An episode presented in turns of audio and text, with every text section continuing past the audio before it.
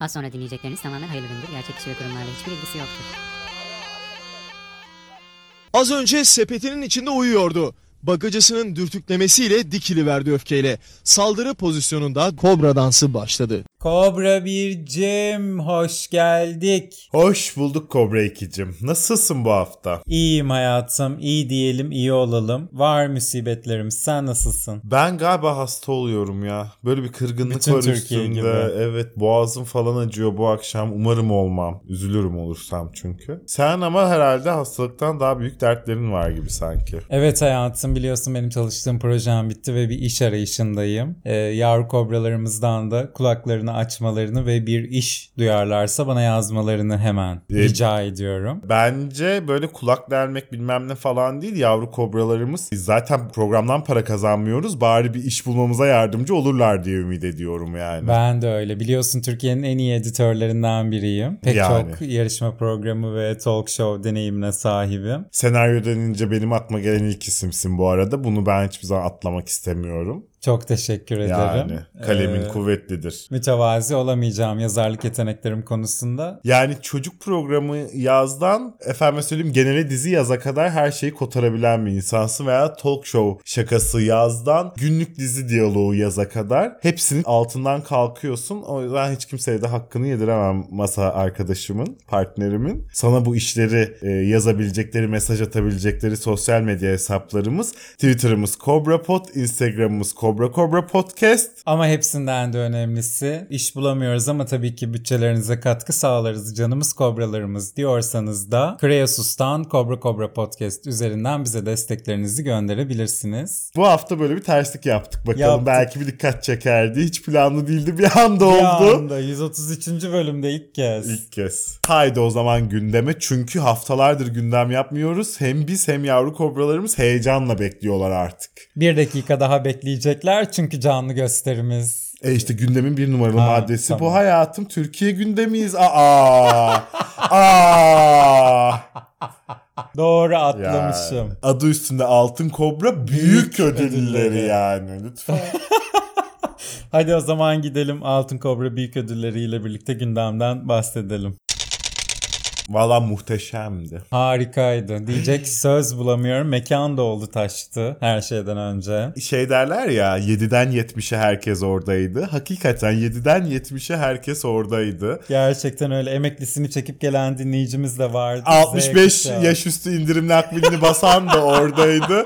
Üniversiteye yeni kaydını yaptıran da yani. Öyle Gerçekten bir e, öyle. şey vardı. Geniş bir kitle vardı. Çok yakışıklı dinleyiciler vardı. Hakikaten inanılmazlardı Yani, yani. e, içerideki kas oranı çok yoğundu. Nişantaşı McFit'in soyunma odası gibiydi. Gerçekten öyleydi. Tabii kış olduğu için fazla giyinikti herkes o üzücüydü ama çok güzel sponsorumuz vardı quiz için. İlk sponsorluğumuzu aldık. Ee, iyi bir başlangıç oldu bizim için. Sanki ikincisi geliyor gibi eli kulağında gibi e, bir Bunu da durum var. müjdeleyelim, Bunu da evet. müjdeleyelim. Quiz sponsorumuz haftalardır bahsettiğimiz üstü kapalı Tayf.ist sitesi oldu. Kendilerinden uzun uzun bahsettik ödül törenimizde ve o bölümümüzde de var. Onu da yayınladık bölüm olarak. Bundan bir önceki bölümümüz o. Ödül törenimizin bölümü. Oradan da detaylarına ulaşabilirsiniz ne olduğunu merak edenlere. Ama kısaca şöyle diyebiliriz. Herkesin kendine bir parça bulabileceği, e, politically correct, e, kucaklayıcı, bütünleştirici ve adı üstünde tayf gibi yani bir renk spektrumunun neresinde yer alıyorsanız alın kendinize bir nokta bulabileceğiniz, bir yer bulabileceğiniz bir internet sitesi neymiş diye merak edenler yazsın artık baksın. Bu arada Kobra Bircim e, 20 Ocak Cumartesi gününe kadar da site üzerinden yapacakları alışverişlerde Kobra Kobra 10 koduyla da %10 indirimli alışveriş yapabilir bütün yavru kobralarımız. Bunu da müjdeleyelim. E, sizlere özel, bizlere özel böyle bir güzellik de yaptılar sağ olsunlar. E, hadi o zaman haftalardır kaçtığımız, kaçmaya çalıştığımız ama, Ama bir türlü ki kaçamadığımız Türkiye gündemine girelim. Bakalım neler olmuş.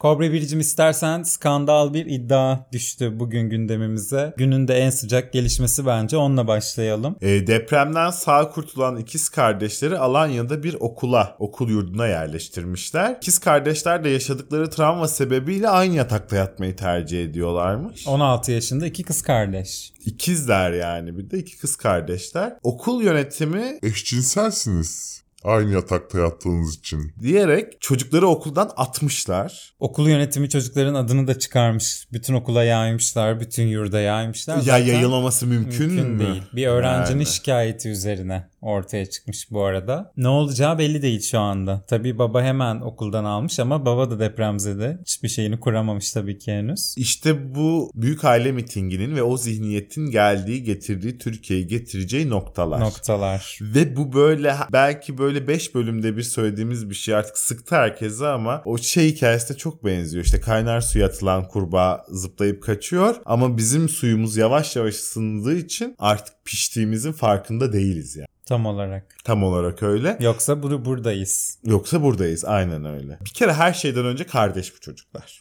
Geçtim çocuklar.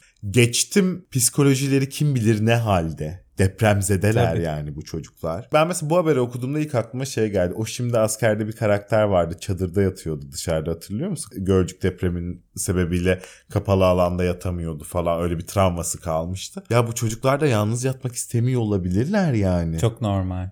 Ha bir de gidip yani çocukların adını çıkaracak noktaya getirme. Bu arada adını çıkarmak da tırnak içinde o zihniyetin bu olaya bakış Tabii, açısı tabii. olduğu için böyle kullanıyoruz yani bunu. Bu böyle bir noktaya getirmek bu işi işte Türkiye. Yeni Tür- Türkiye. yeni- Yepyeni. Yepyeni Türkiye. Bunun işte ayak sesleri artık sokaklardan falan duyulmaya başladı. İnsanlar açık açık hilafet çağrıları yapıyorlar. Açık açık şeriat çağrıları, yürüyüşleri yapıyorlar. Yani bunlar İstersen o olaya gidelim. hemen. Bu hafta İstanbul'da şehitlere rahmet Filistin'e destek yürüyüşünde hilafet bayrakları açıldı ve e, hilafet istekleri dile geldi adeta diyebiliriz. Bu böyle sanki bir fitilin ucunu ateşlemişçesine her yere yayılıyor. Bir anda yani Twitter o bu de bilmem nerede yürüyüş burada şu falan herkes bir anda şeriat ve Sanki bir İla- anda milyonlar Evet. şeriat istiyor, şeriatı susamış gibi, bir gibi- hava yaratıldı. Evet yani yaratıldı. Yok Ama öyle işte bir biraz şey. derinine inince zaten öyle bir şey olmadığı çok açık ve net bir şekilde ortaya çıktı. Bizzat kendi paylaştıkları görsellerde bile 100-200 kişi bir araya gelmiş. Öfkeli kalabalık Azgın şeklindelerdi. Tam diyor olarak. Fatih Altaylı onlara. Azgın azınlık tam olarak. Daha denecek çok şey var da azınlıklar diye hadi neyse diyormuşum. Ama bir Ee, de çok ülke var şeriatla yönetilen. yallah. Hep söylendiği gibi yallah yani gerekirse e, istemeyenler de kumbar oluşturur paralarını toplarlar onları bir şekilde gönderirler bu Ya- azgın azınlığı. Ya biz e, biliyorsun vatandaş olma fiyatları açıklandığında öneride bulunmuştuk. Vatandaşlıktan çıkanlara da versinler. Paramızı iade etsinler yani. Bu vatandaşlık e, a- ayıplı çıktı, şey çıktı, defolu çıktı. Ben bu sözleşmeden cayıyorum kardeşim. Ücret iadesi talep ediyorum diyebilelim yani bu vatandaşlık meselesini. Bütün dünya için tabii bu arada. Tabii. Geçerli olmalı. Gitmek isteyene versinler parasını göndersinler yani. Aynen öyle. Ben Amerikan vatandaşlığını istemiyorum. Dediğin an parası neyse vermeli hükümet sana güle güle öyle. diye. Aynen öyle. Çok doğru söyledin. Ama tabii ki bu hilafet bayrağı açan kişiye de geri dönecek olursak kendisi bir yumruk yedi biliyorsun. Öyle her talep her yerde dile getirilmez dendi kendisine. Ee, Yıldız Teknik Üniversitesi öğrencisi Miş bunu bu yumruğu atan arkadaşımız ve kendisi gözaltına alındı. ve tabii ki ibreti alem için e, seçilmiş karakterlerden biri oldu kendisi. Hala içeride. Geçmiş olsun diyelim Geçmiş olsun diyelim. Yani tabii ki hiç şiddet hiçbir şeyin çözümü değil. Ama işte artık insanların Bu burasında. raddeye geldi bu artık sanki. insanların da bu kutuplaşmanın da geldiği son nokta. Yani yok artık şeriat mi hani? Hani evet orada mıyız gerçekten, Gerçekten. hani gündem bu mu noktasından atılmış bir yumruk. Milyonların sesi olmuş da bir yumruk aynı zamanda. Gibi duyuluyor. Zaten bu yüzden de içeride kendisi şu anda. Umarız ki en kısa zamanda İbreti alemcilik diyorsun. tam olarak Öyle haklısın. tam olarak öyle yaparsanız böyle olur. Yumruğu atarsanız parmaklıklar ardına. Hadi gelelim seçimlere. Kazan Ha, artık. kaynamaya başladı biliyorsun. Artık evet. Artık kazanlar kaynıyor İstanbul'da. İşin rengi belli oldu yani. Murat Kurum mu İmamoğlu mu? Yılın sorusu. Yılın sorusu. Cevapları çok net ortada olan bir soru aynı zamanda diye düşünüyorum. Ya öyle gibi görünüyor. Evet. Yani sanki bir de sonuç da netmiş gibi görünüyor bugünden. Bu arada şunu fark ettim. Murat Kurum'un ana akım medyada yeni bir adı var. Murat Kurum değil. Kentsel dönüşüm üzerine yüksek lisans yapmış Murat. İnanamazsın. Bak çok fazla bu aralar iş sebebiyle taksi kullanıyorum. Radyo, madyo bir şey. Her yerde. İnanılmaz. A haber, B haber, C haber hepsinde. Ama zaten Ahmet Hakan köşe yazıları Oradan başladı. evet. Oradan başladı. Yani o da biliyorsun o takımın bir üyesi diyebiliriz yani. O takıma can gönülden destek veren birisi diyebilirim en azından. e, üyesi demek hafif bile kalabilir. Beyin takımından Ahmet Bey. Yani o öyle bir çalışmanın Tabii. başlangıcıydı. Tabii. Geçmişteki deprem yatırımları, kentsel dönüşüm Dönüşüm tecrübeleri evet. kimin varsa Ona vereceğim oyumu. Derken bak karşıda Murat Kurum çıkıverdi. işte ne kadar kalbi temiz adam Görüyorsun. görüyorsun değil mi? Gitti diledi karşısına e, kentsel dönüşüm üzerine yüksek lisans yapmış Murat Kurum denk geldi. ya, Ya işte ne istediğine çok dikkat edeceksin hayatım.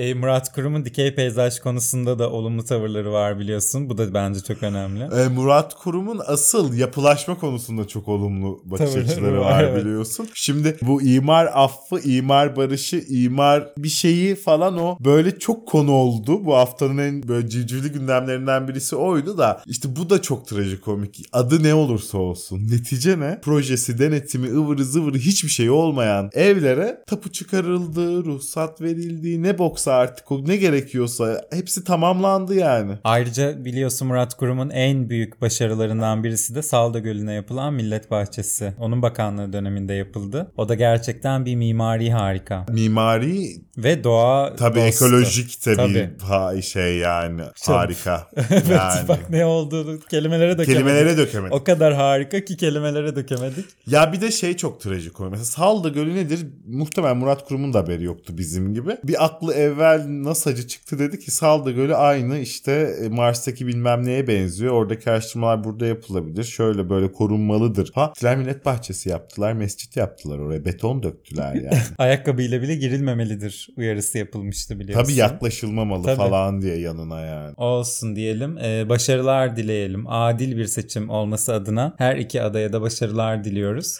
Ee, şunu da söylemek istiyorum ben. Bu yerel seçim. Genel seçim gibi işte orası açıklandı, burası açıklandı. Toplayınca %50 geçildi, geçilmedi mevzusu olma yok. Aynen öyle. O yüzden de arkadaşlar e, bu seçimin adil ve güvenli bir seçim olması için şimdiden ben çağrıda bulunmak istiyorum. Bir zahmet artık görevlerinizi alın Evet. kendi belediye başkanının sandığını bari korursun. Ve işte dediğim gibi yani hani senin atıyorum Kadıköy'de koruduğun sandığı Türkiye'nin Allah'ın bile unuttuğu bir köşesindeki sandık dengeler falan filan gibi bir durum da yok. Bir şehrin içindeyiz hepimiz. Önceki seçimlerde de güzel bir tecrübe edinmiş bir şehrin içindeyiz. O yüzden şimdiden duyuralım. Herkes planını ona göre yapsın. Gitsinler sandıklarının başında dursunlar lütfen. Bu da çağrı olsun bütün yavru kobralarımıza. Özgür Özel'den önce ben yaptım bu çağrıyı. Önemli ama çok Aynen. ben çok önemsiyorum Seçim Mart çünkü. sonunda biz Ocak başında yaptık çağrıyı. Ha millet şeriat istiyor sokaklarda. Evet. Millet sokaklarda hilafet bayrağı açıp şeriat talep ediyor. O sandıkların korunması şart arkadaşlar. Ve gelelim Murat Kurum'un tabii ki vaatlerine. İlk vaatleri Her mahalleye yürüme mesafesine cami yapacağız. Şehrin merkezine camiyi oturtup çevresinde şehirleşeceğiz. Camiler afet esnasında da kullanılacak. demiş kendisi. Şunu sormak istiyorum bir. Evine yürüme mesafesinde cami olmayan bir Var yer mı? var mı Bir İstanbul'da? vatandaşımız var mı? Yani ben de yürüyerek camiye ulaşamıyorum diye Yani. şikayet- Varsa bak varsa buradan aha yazıyorum Kreasus'tan ne geliyorsa bağışlayacağım. Kampanya baş. Vallahi cebimden yaptırmazsam o camiyi. Evet.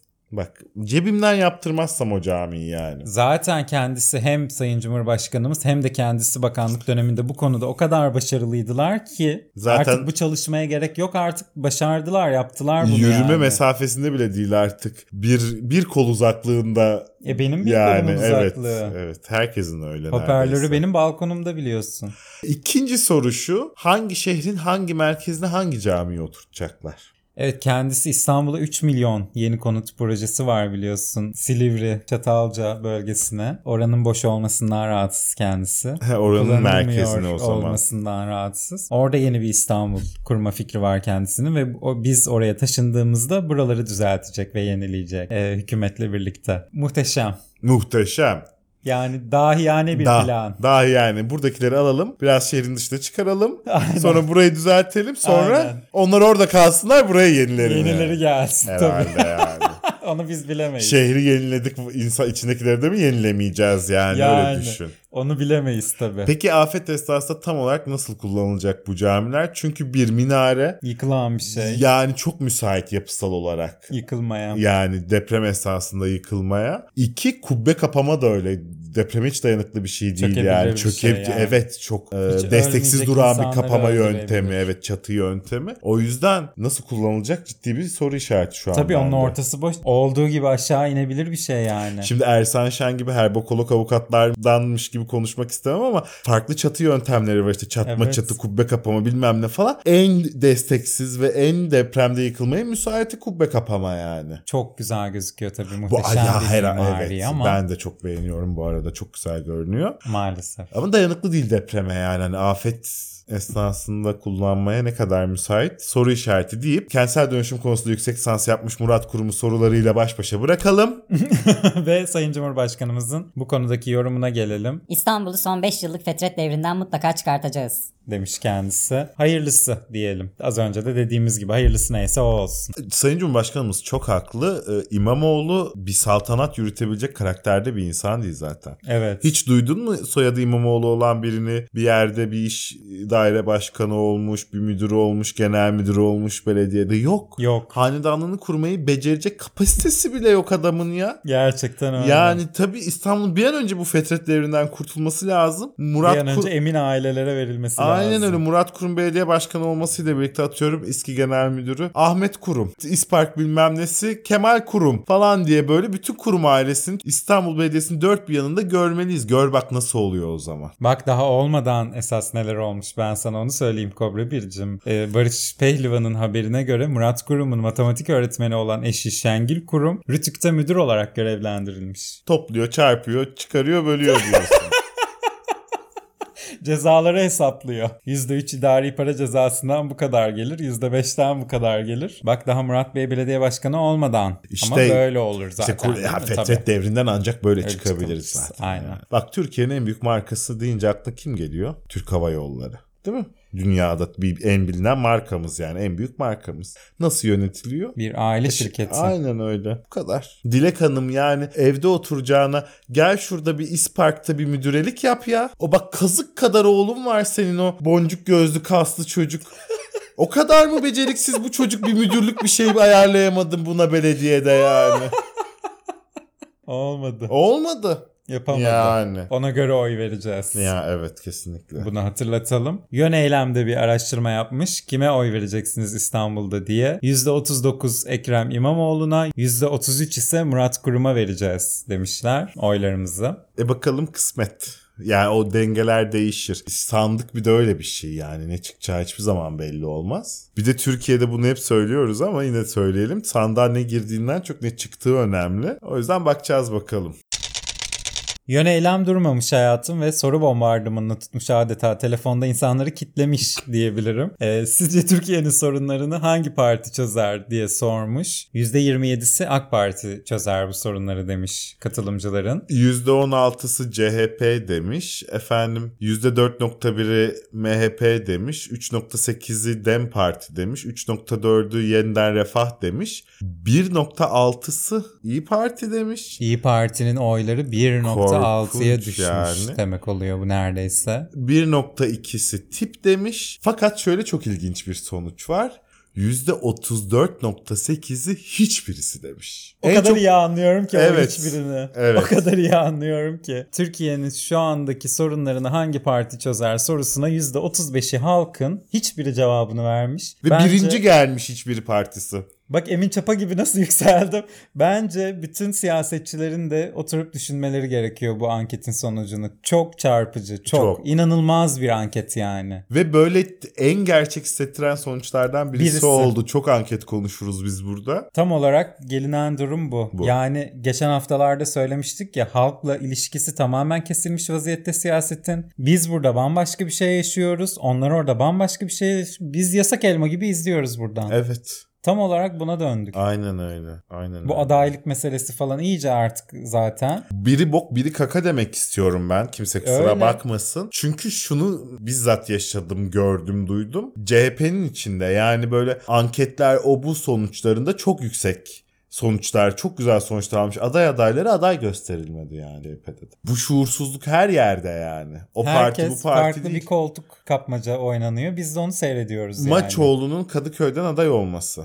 Mesela Şey yapmak istemiyorum böyle işte o CHP'li teyzeler gibi oy bölecekler onun için yapıyorlar falan cırıltısı yapmak istemiyorum. Maçoğlu'nun kazanmasını diğer bütün adayların kazanmasından da daha çok isterim. Kadıköy'de oy veriyor olsam iki kere de düşündürürdü beni. Bunların hepsinin altını çiziyorum. Ama pazartesi sabahı ne olacak? Tunceli muhteşem bir belediye başkanından mahrum kalmış mı olacak? Ve Kadıköy'de Maçoğlu'yla CHP adayı arasındaki çekişme neticesinde aradan bir AK Parti adayı sıyrılabilir mi? Zannetmiyorum. Ben de da. zannetmiyorum bu arada Kadıköy gibi bir yerde de. Neden peki yani?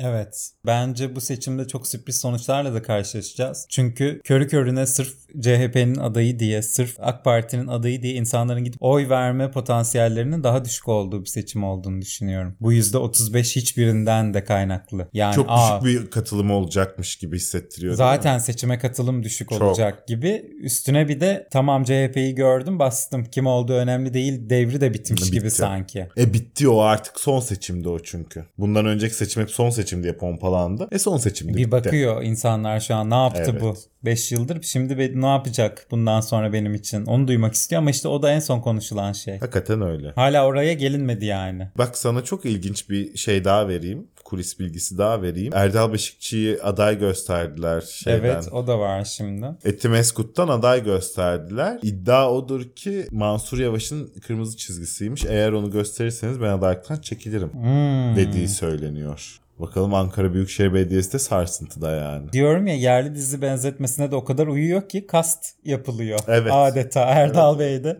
e, oyuncularından biri oldu siyasetin. Ya Erdal Beşikçioğlu tamam politik bir figürdü her zaman ve belki de çok iyi belediye başkanlığı yapma potansiyeli olan da bir insan. Ona da bir şey demiyor. Bir de Ankara halkıyla çok iç içe Erdal Beşikçioğlu. Orada işte dernekti, tiyatroydu falan böyle bir şeyler çok Ama yapıyor. işte burada şunu görüyorsun ya bir önceki seçimde MHP'nin adayı kazanmış burayı %49.57 oy alarak CHP'nin adayı ise %45'te kalmış. Oraya dur çok yakınız tanıdık birini koyalım ki zaten bize %45'imiz var. Üstüne bir de bununla 2-3 puan alırsak, Alırsak- gençlerden mençlerden kotardık Ha, işi. kotardık işi. Bu bakış açısını bence yemiyor insanlar ve bundan sıkıldı da o hiçbiri o yüzden %35'miş gibi geliyor işte bana. Öyle. Buradaki bu %45 oyun zaten garanti olduğunun düşünülmesi yüzünden. Ya aday adaylığı açıklamayan insanlar aday gösterildi. Yani bazı il- ilçeler var. Tamam büyükşehir belediyelerinde olmadı öyle şeyler veya şeylerde de. Türkiye'nin bazı ilçelerinde 6-7 tane aday adayı var. Çıkmışlar adaylıklarını açıklamışlar, mitingler yapmışlar, insanlarla tanışmışlar, etmişler. 8. bir isim hiç yok no name. Aday çıkmış. Aday çık- çıkıyor. Olur inanırım. Yani. Yani. böyle şeylerin de olduğuna eminim. O yüzden de hani e, C, C hiçbiri. hiçbiri gerçekten öyle. O yüzden de hiçbiri partisine oy veriyoruz. %35 Ha, biz yani. de artık Ahmet Hakan gibi mahallesizliğimizi ilan ettik. Biz de tarafsız bölgeyiz bundan Aynen. sonra. Sanırım burada huzur bulacağız bir süre. Hiçbirinde huzur var gibi gözüküyor. Evet öyle. Yön eylem durmamış hayatım bir soru daha sormuş Sizce Türkiye iyi mi yoksa kötü mü yönetilmektedir? diye sormuş. Kötü yönetiliyor diyenler %56.4 olmuşlar. İyi yönetiliyor diyenler %24.2 ne iyi ne kötü 17.7 bilmiyorum diyenler 1.6 bu 1.6'yı onlar neredeyse o koordinatları lütfen bize bildirsinler. Biz de bilmemek istiyoruz Biz çünkü. de bilmemek istiyoruz. Veya bu cehalet seviyesine nasıl gelindi en azından bunu öğrenmek istiyoruz. ya da bir röportaj yani. falan bir şey yapalım. Değil Lütfen. mi? O 1.6 yalvarıyoruz ulaşsın bize. Ama soru yanlış. Evet. Türkiye'nin iyi mi yönetiliyor, kötü mü yönetiliyor gibi bir edilgen yerden sorduğun zaman bu soru %56.4 büyük bir cesaretle kötü yönetiliyor diyebiliyor. Sayın Cumhurbaşkanımız Türkiye'yi iyi mi yönetiyor, kötü mü yönetiyor diye sorsalar da bakalım. %99. Ha, Yani. diyecekti ki iyi tabii ki iyi yönetiyor. Bir de telefonunu aramışlar Tabii. falan düşünsene. Ne stres. Ne stres. İyi İyi %99'u iyi. %99.9'u iyi. İşte soru yöneltme hayat. İşte ama Yani. hep bunların da işi bu biliyorsun. Yani. Bunların bu soruları insanı deli ediyor. Deli ediyor. Düzgün soru sormuyorlar. E hadi o zaman İyi Parti'ye gidelim 1.6 o oyu alacak olan İyi Parti'ye. E, İyi Parti onu bile alamaz. Bakalım Hiç mümkün değil yani. bakalım. Neden? Çünkü İyi Parti ilk kurulduğunda hem MHP'nin hem CHP'nin hem AK Parti'nin alternatifiydi bazı yönleriyle. Ama şimdi CHP, Zafer Partisi ve diğer tırnak içinde küçük partiler diye bahsedilen partiler İyi Parti'nin çok rahat alternatifi. Yani İyi Parti'nin yaptığı o şovenizmin çok daha iyisini yapıyor Zafer Partisi. Evet. İyi Parti'nin yaptığı o biz sakin ve derinden ilerliyoruz ve bilmem ne izinde çok iyisin CHP yapıyor. O yüzden İyi Parti gerçekten zor durumda. Çok. Biliyorsun hayatım CHP 14 Ocak'ta Tandoğan Meydanı'nda anayasaya saygı mitingi yapacak. Anayasaya da saygı ne alakaysa bu arada saygı duymaktan da ziyade hani koşulsuz şartsız kabul etmemiz gereken bir şey ya zaten. O Etme- saygı duyup duymamamıza bakılmaksızın yani. Etmemiz gereken de değil zaten ettiğimiz varsayılan. Zaten. Yani Anayasa- vatandaşlık sözleşmesi yani hani. Bir de hani içinden geçiliyor falan ya şu an saygı duyulacak bir halde değil kurtarma Bak, yürüyüşü evet. falan olabilir hani en fazla. Bunun da böyle adlı adınca dile getirilemiyor olması da çok sinir bozucu bence. Ee, İyi Parti de katılmayacağını duyurmuş bu mitinge. E katılmazlar. Yani artık Meral Akşener herhalde belli ki hiçbir koşulda CHP ile yan yana gelmeyi Gelmeyecek. kafaya koymuş yani. Belki de Sayın Cumhurbaşkanımızla 100 yılın kazananıyla bir araya gelebilir. O yüzden de bu mitinge katılmak istemiyor olabilir. Bir araya gelebilir mi yoksa artık bir şeyler ayyuka mı çıkmaya başlıyor? diye de sormak lazım açıkçası. E, Meral Hanım kariyeri boyunca her zaman kazanan tarafta olmayı başarmış bir kadındır. Evet. Kaybetmiş gibi görünüp hep veya çoğu zaman hep kazanmıştır. O yüzden o ne yapacağını, Meral ablam ne yapacağını bilir yani. Çok iyi bilir. Çok iyi bilir. İzleyip görelim Meral Akşener'in neler yapacağını. Hadi biraz yumuşayalım. Meral Hanım çok sert bir karakter. Çok. Biraz daha sulu bir karaktere geçelim buradan istersen. Geçelim nereye gidelim? Dilan Polat. Dilan Polat'ın avukatı diyormuşum.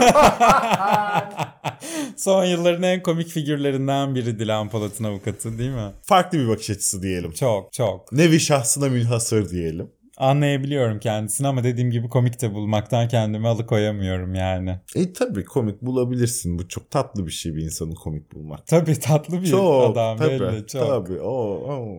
Dilan Polat hapishanede bile çalışmaya devam ediyor. Ha. Anlaşılan o ki hayatım. İstanbul Kağıthane'de yeni şubesinin açılışı gerçekleşti bu hafta. Ve toplanan kalabalık inanılmaz yorumlar yaptılar, röportajlar verdiler. Onun varlığını hissetmek için geldim. Sonuna kadar arkasındayız. Dedi bir hanımefendi kameralara. Onun storyleriyle güne başlıyordum. Artık onu izleyemiyorum. Çok mutsuzum. Dedi başka bir hanımefendi. Bağımlılık çok zor. İnanılmaz. Ama teme yatırmak lazım bunları yani. Olacak o kadar skeci gibiydi adeta her şey. Seviyor bizim vatandaşlarımız dolandırılmayı. Çok. Bizim vatandaşlarımız Jet Fadıl'ı milletvekili seçtiler. E bizim vatandaşlarımız Cem Uzan şimdi geri dönse şimdi %35 işte bak. Evet, evet. Hiçbiri yani. Hiçbiri, evet. Bu arada dolandırıcılar için kara günler. Adeta 2024 onlar için kötü geldi diyebiliriz. Kıvanç Talu ve eşi Beril Talu da yakalandılar. Ama öyle bir yakalanma ki bir sürü de gerçeği ortaya çıkardılar. Haklarında yakalama kararı çıkmamış bu insanların bugüne kadar. Yurt dışına kaçmaya çalışırlarken alelacele çıkartıp mı yakalıyorlar ne? Hayır zaten bu haberler 2-3 aylık biliyorsun. O gün çıkması gerekirdi bunun. Asla çıkmamış. Kendileri zaten Gürcistan'a gitmişler. 28 Aralık'ta da Gürcistan'dan İstanbul'a İstanbul'a gelmişler. Avukatla birlikte de 4 Ocak'ta emniyete gitmişler. İfade vermeye. Wow. Çok iyi. İnanılmaz. İnanılmaz. Borcu borçla kapatmaktaydım. Eskiden tanıdığım bir muhabir balon haber yaptı beni hedef gösterdi dolandırıcı dedi. Öyle bir şey yok. Ben arkadaşlarımdan borç alıp olan borçlarımı ödüyordum. Böyle bir durum vardı ortada. Kimseyi dolandırmadım. demiş ifadesinde. Der ne diyecek? Ne diyecek? Ne diyecek? Arkadaşlarımı dolandırdım evet mi diyecek yani. Yani. Ama yaratıcı ifadeler okuyoruz son günlerde. Avukatlarımız gerçekten tıkır tıkır çalışıyorlar. e var böyle tipler. Var böyle tipler yani. Dilan Hanım'ın avukatı olsun bu Kıvanç muhteşem. Telurler'in evet, avukatı. Meslek adına gerçekten akıl Umut almaz. vadeden akıl almaz bir yıl. Akıl almaz bir sene oldu yani. Kıvanç ve eşi için yakalama kararı çıkmamış olabilir ama Ali Bey tabii ki çalışmaya devam ediyor hayatım ve e, hiçbir suçlu bırakmayacak 2024'te Türkiye'de. Interpol'ün kırmızı bültenle aradığı fuhuş kraliçesi Madame Claude'u yakalamış. Tebrik edelim kendisini. Modern manukyan Madame hanımefendi. Claude. Contemporary. Tamam. Çağdaş. Tamam. 15 gün önce esnaf meşeyi kandırarak oturum almak için de nikah masasına oturduğu ortaya çıkmış Oh. hanımefendinin. Hala yaşananlara inanamayan meşe Uzun süredir beraberdik. Bana Özbekistan'da ifadeye gitmediği için arandığını söylemişti. Ama detaylı bir şey anlatmadı. Şaşkınım. Kırmızı bültenle arandığını bilmiyordum. Yazında düğünümüz olacaktı. demiş. Kıyamam. Kıyamisu yani hakikaten. Kıyamisi patroniçeyle. İşte kimle nereye oturduğuna çok dikkat edeceksin. Öyle herkesle nikah masasına oturmayacaksın. Oturmayacaksın bir geçmişini en azından bir sabıka kaydına falan. Yani bir de Interpol'ün kırmızı bülteni ne bulmak da çok zor değil yani yazdığın zaman çıkıyor İnternet sitesinde muhtemelen girdiğin zaman çıkıyordur. da. A- Yani hanımefendinin bir pasaportunda adını soyadına bakıp yazıp bir Google'a yazsaydınız hani belki de fuş kraliçesi olduğunu anlardınız yani. Geçmiş olsun Ama diyelim. işte böyle biz milletçe çok temiz kalpliyiz. Çok. Ee, iyi niyetliyiz. Hep iyi niyetimizden. Ne olursan ol gel diyoruz. Tabii ondan sonra hep suistimal ediyorlar bu iyi niyetimizi. Hep, Çok. Hep. Ama işte artık Ali Yerlikaya var. Hepsini tek tek, tek tek yakalıyor. yakalıyor. İyi Ee, niyetimizi suistimal eden herkesin ensesinde Bir kendisi. de artık sadece Türkiye değil dünyanın da içi rahat etsin. Aynen. Yani hangi suç örgütü lideri varsa Ali Yerlikaya onların hepsini Türkiye'de yakalayacak yani belli ki öyle görünüyor. Ama nasıl bak dünya liderinin ülkesinde dünya çapında bir İçişleri Bakanı. Dünya liderinin ülkesinde dünya suç örgütü liderleri. Ya. liderler zirvesi. Nerede yaşayacaklar? Tabii ki bir dünya lideri tarafından yönetilen bir ülkede yaşayacaklar yani insanlar. Finaline bakmak lazım. Ali Yerlikaya hepsini yakalıyor. MŞ'de düğün masraflarından kurtulmuş oldu. Aynen öyle. Boş ver. İyi tarafından bakacağız. Kendimizi mutsuz hissetmeyeceğiz. Asla. Değil mi? Hadi gidelim Adalet Bakanı Yardımcısına ve e, Fox Haber'in yaptığı gizli kameraya mı? Ne derler? Yakın çekimi. Yakın çekime. En son biliyorsun bu Gülben Ergen'in başına Evet. gelmişti. Sahip misin sen bana şah Ah damarımsın sen benim diye. Ajdar da üzerine hatta bir şarkı, Şarkı. yazmıştı. Şimdi ikinciye bu yaşanıyor ve Adalet Bakanı Yardımcısı Ramazan Can'ın başına geldi ve Ankara 8. Sulh Ceza Hakimliği tarafından da bu mesajlaşmaları yayın yasağı geldiğini duyuralım. E yani çünkü kişilerin öyle mesajlaşmalarını... Gözetleme hakkımız yok. Ama işte bunlar artık kişiler değil. Bu Evet. meseleler kişisel meseleler değil. Onu işte çok iyi değerlendirmek Değerlendirmek lazım. lazım. Tam olarak. Ne olduğunu da söyleyelim. Adalet Bakanı Yardımcısı Ramazan Can kendisine gelen iş taleplerine, iş arayışlarına özel kalemine iletirken görüntülendi Fox Haber tarafından. Adalet Bakanı Yılmaz Tunç da hemen konuyla ilgili açıklama yaptı. Bakan yardımcımızla ilgili basına intikal eden hususları gördük. Tek bir isteğimiz var liyakat. Talepler her yerden gelir. Değerlendirmesini yapacak olan komisyondur. Referanslar olabilir, talepler olabilir ama değerlendirirken liyakate bakılır. Tek meselemiz liyakattir. Bize herkes ulaşabilir, mail atabilir, cep telefonlarımıza mesaj atabilir. Değerlendirecek olan komisyonlardır. Çeşitli sınavlardan geçerler. Sonrasında liyakate dikkat ederiz. diye bir cümle içinde 85 kere liyakat, liyakat. demiş. En son herhalde İbrahim Tatlıses'in tek tek şarkısı aynı kelimeyi ihtiva eden bir şaheserdi. Çıkar telefonunu. Bakan Bey mesaj atacağız. Aynen. Numarası Çıkar. nerede acaba Nerede? kendisinin? Hemen. Ee, hemen. Çünkü Bizi de biz- özel kalemine iletsin. Hayır bize herkes ulaşabilir, mail atabilir, cep telefonlarımıza mesaj atabilir demiş. Çıkar telefonunu. Bende yok numarası hayatım. Herkes atamıyormuş. İşte önemli olan o taleplerin ne şekilde karşılandığı, ne şekilde karşılanmadığı. Bakanın 24 kere tekrar ettiği gibi liyakat e, uygulanıp uygulanmadığı. Bunu da anca araştırmayla, e, soruşturmayla öğrenebiliriz. Onlar da bizim işimiz değil. Ee, aksi müfettiş edasıyla gidip Ahmet Ahmet Hakan'ın Hakan, e, bakabilir bu işe yani. O da zaten işte öyle varsaydığımız bir şey ya. Zaten liyakatle yönetildiğini düşünüyoruz. Tabii zaten. Bütün süreç. Liyakatli yönetilmesi böyle mi olurdu? Tabii Ya. perişan halde Aa, olurduk. Tabii. Duy da inanma şimdi buna. Mahvolmuş olurduk. Oh şimdi Avrupa bizi kıskanıyor. Aynen o noktadayız. Ya. O yüzden bakanın da liyakatle işini yürüttüğüne ve bunların Hiç şüphemiz yok. Hele adalet konusunda. tabii standart mesajlaşmalar olduğu konusunda en ufak bir şüphemiz dahi olamaz. Katılıyorum. Gelelim ekonomiye. Adaletten sonra biliyorsun en iyi olan ikinci herhalde Şeyimiz. mesele yani. bu. Aynen Türkiye'de değil mi? Bakan Şimşek çok çarpıcı açıklamalar yaptı. Dünyada kredi kartına taksit uygulayan tek ülkeyiz. Bu uygulamalar vatandaşın gelirinden fazla harcamasına neden oluyor. Bu iyi bir şey değil. Demiş. Vatandaş gelirinden fazla harcamayınca açık kalıyor ama Mehmet Bey. Heh, şimdi kendisinin işte gözden kaçırdığı Küçücük bir nokta. küçücük bir nokta var. Açlık sınırı. Açlık sınırı. Ve asgari ücret arasındaki o küçücük nokta Aynen. gözden kaçıvermiş. Kendisine Birkaç bin liralık o küçücük fark. Yani. Kendisine dünyada olmayan ama sadece Türkiye'de olan bazı şeyleri de istersen hatırlatalım Kobra Biricim. Kredi kartına taksit uygulaması gibi dünyada yok ama Türkiye'de var. Araba alırken vergisinin vergisi ödeniyor mesela. Verginin vergisi yani. Ödeniyor. Keyfi iki kez motor taşıtlar vergisi uygulaması yapıldı bu yıl biliyorsun. Akaryakıta dünyanın ödediği verginin 5-6 katı vergi ödüyoruz. Alkole hele 10 katını ödüyoruz dünyanın ödediğinin. Telefon alırken iki telefonda Devlete, devlete, alıyoruz. alıyoruz. E tüm elektronik eşyalardan devlete zaten bir, Bir tane, tane. otomatikman alıyoruz yani. En yüksek vergi dilimini de en az kazananlardan alıyoruz. Bu dünyada işi benzeri olmayan uygulamalar Türkiye'de var. var. Bir de taksitle alışveriş var. İşte neden acaba? Neden acaba? Neden acaba? Neden acaba? İnanılmaz. Bazen böyle diyorsun aa bu olacak galiba yapacak bu iş. Bazen de diyorsun ki aa Ne oluyor? ne oluyor? Böyle önemli görevlerdeki kişilerden de o küçücük noktaları kaçırmadan açıklama yapmalarını bekliyorsun. Ama yapılmıyor. O yüzden hiçbiri diyorum. Ve Mehmet Şimşek demişken hadi biraz ekonomik haberler de verelim istersen Kobra Biricim. Ukome zam kararlarını açıkladı bu hafta. Taksi ve servis ücretlerine %28, toplu taşıma ise %18 oranında zam yapıldı. Zamla birlikte taksilerdeki indi bindi fiyat 90 liraya yükseldi. Yani 70 lirayken de 100 lira veriyordum para üstü vermiyorlardı. 90 lirayken 100 lira vereceğim para üstü vermeyecekler. 90 liradan memnun değil taksiciler illa Asla. 120 lira olsun istiyorlarmış. O da işte 120 değil 150 oluyor otomatikman. Veya 200 oluyor belki de ne çıkarırsan cebinden yani. O yüzden e, bakalım nereye varacak bu iş. E yapılacak tabii mazota, askeri ücrete ona buna zam gelmişken nasıl bu Otobüse yapılması. nasıl olmasın yani? E, tam bilet 15 liradan 18 liraya çıktı İstanbul'da da otobüsler için. Marmaray tam parkur bileti 39 lira. İETT'ye ait metrobüsler ise 26.25 kuruştan binilecekmiş artık. Kartına 100 lira yüklemeden diyor dışarı çıkmayacaksın artık diyor yani. Yolda kalırsın. Kalırsın. Bıbık bıbık.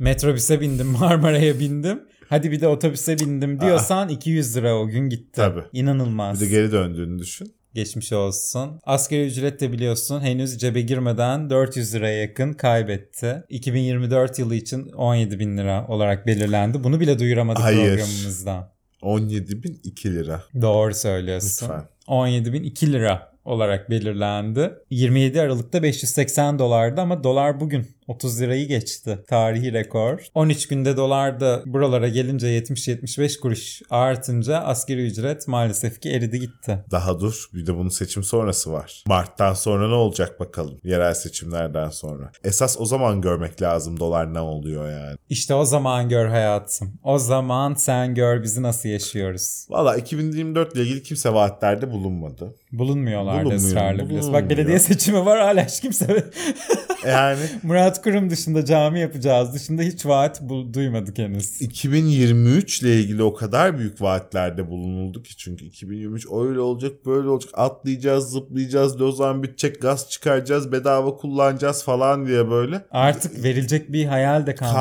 kalmadı kalmadı yani işte bak dördüncü altın kobra büyük ödül törenimizde dördüncü yılın müjdesi ödülünü dört kere üst üste Doğalgaz, doğalgaz aldı. aldı yani her sene doğalgaz müjdesi şimdi bak yeni tok modeli çıkıyormuş ulan eskisi satıldı ulaştı bilmem. Yol gördün mü hiç tok? Hayır. Ben de hiç görmedim. Umarız onu sokaklarda görürüz. Umarız. Umarız. Göreceğimize şüphem yok. Şimdi gelelim Eski figürlere. eski mi? Eskimeyen figürlere. Eskimeyen figürlere gelelim. Özlem Zengin ve Nurettin Nebati'nin Esenler Belediyesi Bilim Kurulu üyesi oldukları ortaya çıkmış. Evet. Bilime bak. Ama biliyorsun Esenler Belediyesi bilimin yükseldiği yerlerden bir tanesi İstanbul'da. Amerika için Silikon, Vadisi neyse Türkiye için de Esenler Belediyesi o herhalde pozisyonda. öyle. Bir MIT, bir Caltech yarışır Esenler Belediyesi yani. Kaldı ki Nebati Bakan Ve Bilim- kaldı ki Özlem Zengin. bilim insanı dendiğinde akla gelen iki insan Türkiye'den. Yani şimdi bana bilim insanlarını say desem bak İlber Ortaylı dersin, Celal Şengör dersin, Naci Görür dersin ıh diye kaldığında Sayın Cumhurbaşkanımız Recep Tayyip Erdoğan dersin. Onu da Ekonomide biliyorsun. bir bilim çünkü. e, bir sürü de onursal e, Evet. doktoralı şeyleri var. Sonra Nurettin Nebati dersin, Tansu Çiller dersin. En yakın arkadaşı. Akıl Öz- hocası. Özlem Zengin dersin. Bak ilk onda da akla gelen isimler yani. Aynen öyle. Akademi denince. Muhteşem. Zaten Nurettin Nebati çok kızmış sosyal medyadan bu duruma tepki gösterilince. Allah belanızı versin. Yalanlarınızda boğulun. Ben bir bilim adamıyım. Demiş kendisi. Öyle. Öyle. Öyle. Öyle. Böyle bilime böyle adam.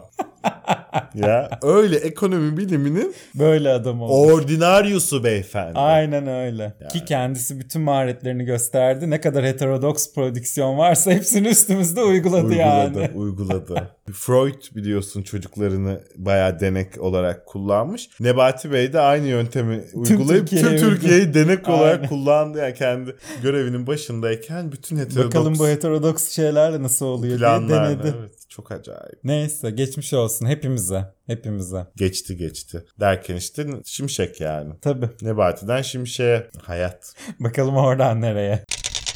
Gelelim haftanın fake haberine istersen. Gelelim fake haberler oluyor sürekli o öldü bu ölmedi diye. Bir de şey işte bu ama öyle bir fake de değil. Bu olmayacak iş yani. Tamamen Ee, olmayacak, bir iş. haber İşte yani. şey gibi hep bahsediyorum ya işte böbrekten 15 kilo taş çıktı falan gibi bir haber bu. Melik Gökçe'nin beyin felci geçirdiği haberleri ortaya çıktı. Bu tabii insanlarda çok ciddi bir e, şüphe uyandırdı. Hani, Nasıl yani? Nasıl yani diye. Evet. Oluyor ya böyle üniversite sınavına hazırlanmak için lise sonunda kız öğrenciye prostat raporu yazmışlar falan. Öyle bir şey bu yani Melik Gökçek beyin felci geçirdi demek. Ki zaten Osman Gökçek yalanlamış bu haberleri. Oh Oh içimiz rahatladı. gerçekten geçmiş olsun kendisine bir an biz de paniğe sürüklenmiştik. Sanat, Aktüelite, moda, siyaset, magazin, televizyon değinmeler, ve gerçeküstü düşler. Ahmet Hakan köşesi. Ahmet Hakan köşesi. Tabii ki kendisi de yerel seçim rüzgarına girdi. Ee, bol bol siyasi yazılar yazacak artık belli ki. O bizden önce girmişti ya. Tabii o, o belli ki zaten mecburen girmiş bizden önce iş olarak. iş olarak yani. Ee, Ne yazmış? Eğer AK Parti kibirli davranırsa, İmamoğlu'na lüzumsuz yüklenirse, İmamoğlu'nun kişiliğine yönelik ağır laflar ederse, İmamoğlu'na haksızlık yaparsa, mesela İmamoğlu'nu VIP'ye almamak gibi yakışıksız tavırlar içine girerse, yerel seçimi ideolojik kapışma arenasına çevirirse, gerilimi arttırırsa, İmamoğlu'nun beklediği tabanda ve sandıkta birleşme gerçekleşebilir. demiş. Yani gerçek, Hiçbirini yapmaz. AK Parti daha önce hiçbirini yapmadı biliyorsun. gerçekten takıla takıla VIP'ye alınmaması gibi tavırlara mı takılmışlar ya? Ama Ahmet Bey için VIP'ye alınmamak Büyük olay. büyük bir olay. Hani sırtından bıçaklanmış gibi hisseder VIP'ye alınmazsa. Çok korkunç bir şey. Gerçekten de AK Parti İmamoğlu'na lüzumsuz yüklenmez ve kibirli davranmaz asla zaten. Kişiliğine yönelik ağır laflar hiç bugüne kadar AK Hiç. Parti'den görmediğimiz. Hiç kimsenin kişiliğine Hiç. karşı hiç görmedik. Hiç. İmamoğlu'na haksızlık yaparsa demiş. Haksızlık, Haksızlık zaten mümkün değil. Mümkünatı Mümkün- olan Aa. bir şey değil. E, yerel seçimi ideolojik kapışma arenasına çevirmek asla. Bugüne kadar ne diziler, ne ödül törenleri, efendime söyleyeyim ne okullar, ne ibadethaneler, hiçbirisi bugüne kadar ideolojik kapışma alanına çevrilmedi ki. Ne Hiç. münasebet belediye seçimleri çevrilsin Ahmet Bey yani. Bazen ne dediğini bilmiyor o da. Son derece adil bir seçim olacağından eminiz. Bakalım İmamoğlu'nun beklediği tabanda ve sandıkta birleşme gerçekleşecek mi göreceğiz. Hangi şarkı daha iyi demiş kendisi. Seçime şarkılar üzerinden tabii ki. E, herhalde ne üstünden yapacak? Yapacak. Projeler üzerinden mi yapacak? ne harcamalar üzerinden mi yapacak? Var ne şarkılar üstünden yapacak tabii. Kimin şarkısı güzelse ona vereceğiz oyumuzu. AK Parti iyi şarkılar yapıyor zaten biliyorsun. Ee, bu yılda iki şarkı yapmışlar. Ahmet Bey o ikisini yazmış. Yeniden İstanbul şarkısı hiç fena değildi. Selamını yeniden çak gibi enteresan sözler vardı içinde. Kentli modern bir havası vardı. Ama benim asıl favorim rahmetli Azer Bülbül'ün şarkısından yapılan Çoğu Gitti Azı Kaldı şarkısı oldu. Ritmi, havası, sözleri falan bayağı damardan bir şarkı bu. Bizim ahali böyle şarkıları sever. Ya. İşte kentli ve moderni değil de Böyle damarı sever. damarı sever yani. Ya haklı Ahmet Bey. Haklı. Haklı. iyi gözlemlemiş içinde yaşadığı toplumu Diyelim. diyelim. Diyelim. İşte bazen de gazetecilik yapası tutuyor onun da ne yapsın. Üstüne vazife olmadığı şeyleri yapmaktan keyif alıyor. Sekter gibi biliyorsun o da. Ve şimdi Cumhurbaşkanı köşesine gidelim. Oley! Cumhurbaşkanlığı köşesi. Evet! Gelelim hadi Cumhurbaşkanı köşemize. Bu hafta pek Cumhurbaşkanımız konuşmadı genel olarak aslında. Suskun. Evet niye öyle? İşte her şey o kadar yolunda ki Türkiye'de niye Evet. çıkıp kendimi hatırlatayım ki? Niye çıkıp kendimi göstereyim vatandaşlarıma diyor kendisi bence. Bir de asaletinden. Tabii Sessizliğim asaletimdendir derler o yüzden. Kesinlikle. Başka ben hani bir şey düşünemiyorum. Bak ne kadar asil. Demiş ki Yapılan işe takoz koymak CHP ve siyasi akrabalarının milli sporudur. Tarih bizi haklı, onları ise haksız çıkarmıştır. Ya takozcu CHP. Takozcu CHP. Buralarda sorulması gereken çok güzel sorular var. Bir, onlar kim biz kimiz? Onlar dediği CHP'yi 1923'ten falan beri alabiliyorsun. Biz dediğimiz AK Parti ise son 20 yılı da tarih bizi haklı onları haksız çıkaracak kadar bir tarih geçmedi. Osmanlı'dan falan herhalde. Öyle diyorsun. değilse e, siz o dönem kimdiniz?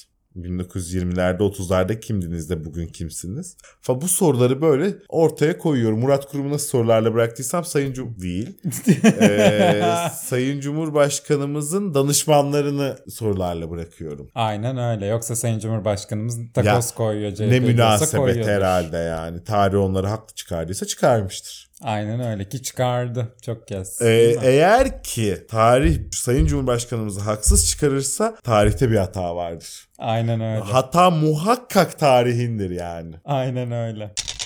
Kendisi demiş ki Akıllı telefon yaygınlaşınca kamu görevlilerimiz arasında yabancı mesajlaşma uygulamalarının kullanımı arttı. Resmi kurumlarımıza ait birçok belge maalesef paylaşılıyor. Bu bir zafiyet oluşturuyor. Devletimizin de harekete geçmesi gerektiği inancındayım. demiş. Şimdi bu doğru. O kadar çok böyle WhatsApp grubu o bu o ona belge gönderiyor o ona bilmem ne gönderiyor. Uçtan önce şifreleniyor ıvır zıvır bir sürü terane anlatıyorlar da arkadaşım o şirketin onlara bakmadığının garantisini kim veriyor? O yüzden evet buna bir müdahale edilmesi gerekiyor yani insanların kişisel verileri, resmi devlet kayıtları, belgeleri bilmem neleri öyle her uygulamadan da birbirlerine gönderilmemeli. Diyelim ama bunun işte yani devlet memuruysan telefonuna yabancı uygulama yükleyemezsin. Seviyesinde yaşanması işte da çok manasız olur. kapısını aralaması da çok ürpertici bir Çok. de yani. O aralıktan çok büyük soğuk geliyor içeri. O yüzden o kapıyı çık tekrar geri kapatmak lazım diye düşünüyorum. Hemen. Hemen. Hemen. Yoksa burası Çin mi ayol? WhatsApp mı yasaklanacak yani? Yani bence devlet mem dediğim gibi bu belge transferi İş telefonu olur o Mevzusunda falan zaten. veya Ee, zaten O telefonda. devlet memurunun zaten iş telefonu. Olmaz mı? Sen de Aile Bakanlığı gibi hep dizi izliyorsun değil mi aşkım? Hiç hayatında en son ne zaman bir devlet dairesine girdin acaba? Çok merak ediyorum bu yorumu yaptın ya. Tabii öyle bizim devlet memurlarımızın iş telefonları, makam araçları. Ay ben de sıyırdım. Sen şey bizim programı işte gerçek kişi ve kurumlarla ilgisi yok bizimkinin ya. yani. Bizim devletteki memurların iş telefonu var. Kendisi bu hafta Beştepe Külliyesi'nde valilerle de buluştu ve valiler buluşmasında enteresan bence açıklamalar yapmış. 2023 hedefleriyle yola çıkmıştık. Birileri dudak bükmüştü. Ya bak Ya. ayıp oldu. Ayıp oldu. E, Sayın Cumhurbaşkanımıza şunu hatırlatmak isterim. 2023 bitti. Bitti. Ve ne diyor? Hamdolsun hedeflerimizi adım adım hayata geçirdik. Biz o hayallerim sergisine gitmedik ya. Belki Ondan bilmiyoruz. Hangileri geçti hangileri geçmedi bilemiyoruz. Geçmedi yok hepsi. Hayata geçen hayallerini göremedik hayatım biz gidemediğimiz için. Türkiye yüzyılı devletin ve milletin ortak programı ortak hayalidir. Küresel krizlerin ürünü ekonomik dalgalanmaları insanları devletlerine düşman etmenin aracı haline getirmeye çalışıyorlar. Tabii işte, işte ekonominizi çökertiriz falan demişti ya Trump. O onlara söylüyor Evet. işte tabii. Yani. Doğru. Bunu bir yöntem olarak kullanıyorlar ekonomik şey krizi diyor. Ve bizden nefret etmeniz için kullanıyorlar. Sakın diyor. Dalgalansa da aldırmayın diyor yani. Kış kışlığını, gavur gavurluğunu elbette yapacaktır. Bize düşen görev milletimizi tuzaklara karşı uyanık tutmaktır. Demiş. İnanılmaz. Ben kanım dondu.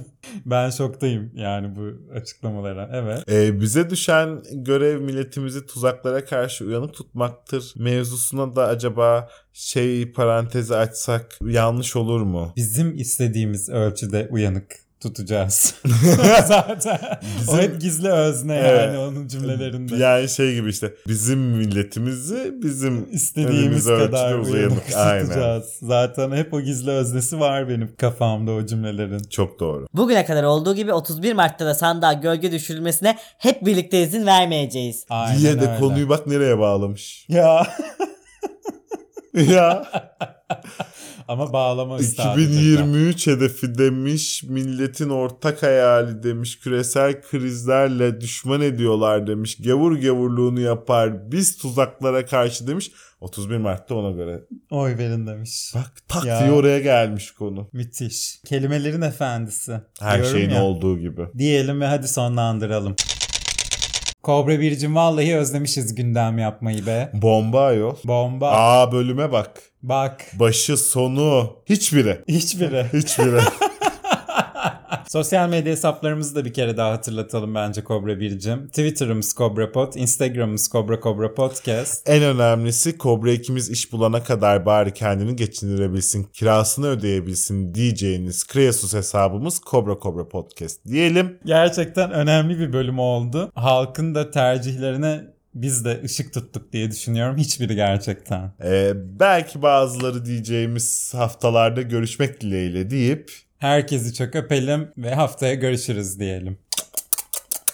İşleri bitince sakinleşiyorlar. Sonra yeniden sepete. Neyse ki buna razılar. Aksi halde yılanların öcü durumu ortaya çıkardı.